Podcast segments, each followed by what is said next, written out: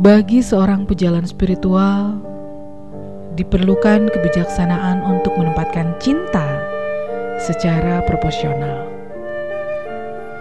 Mengapa demikian? Karena rasa ini bisa muncul begitu saja. Bahkan, ia bisa muncul dalam situasi dan kondisi yang membawa kerumitan. Tak jarang rasa ini muncul pada seseorang dengan membawa dilema.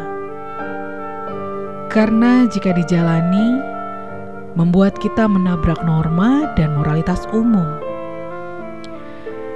Atau rasa ini muncul dibarengi faktor kendala yang rumit untuk merealisasikannya sesuai dengan harapan.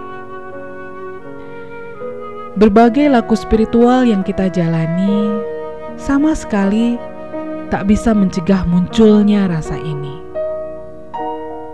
Sejauh kesadaran saya, ia adalah rasa natural. Tuhanlah yang menumpahkannya, menumbuhkannya tanpa kita minta.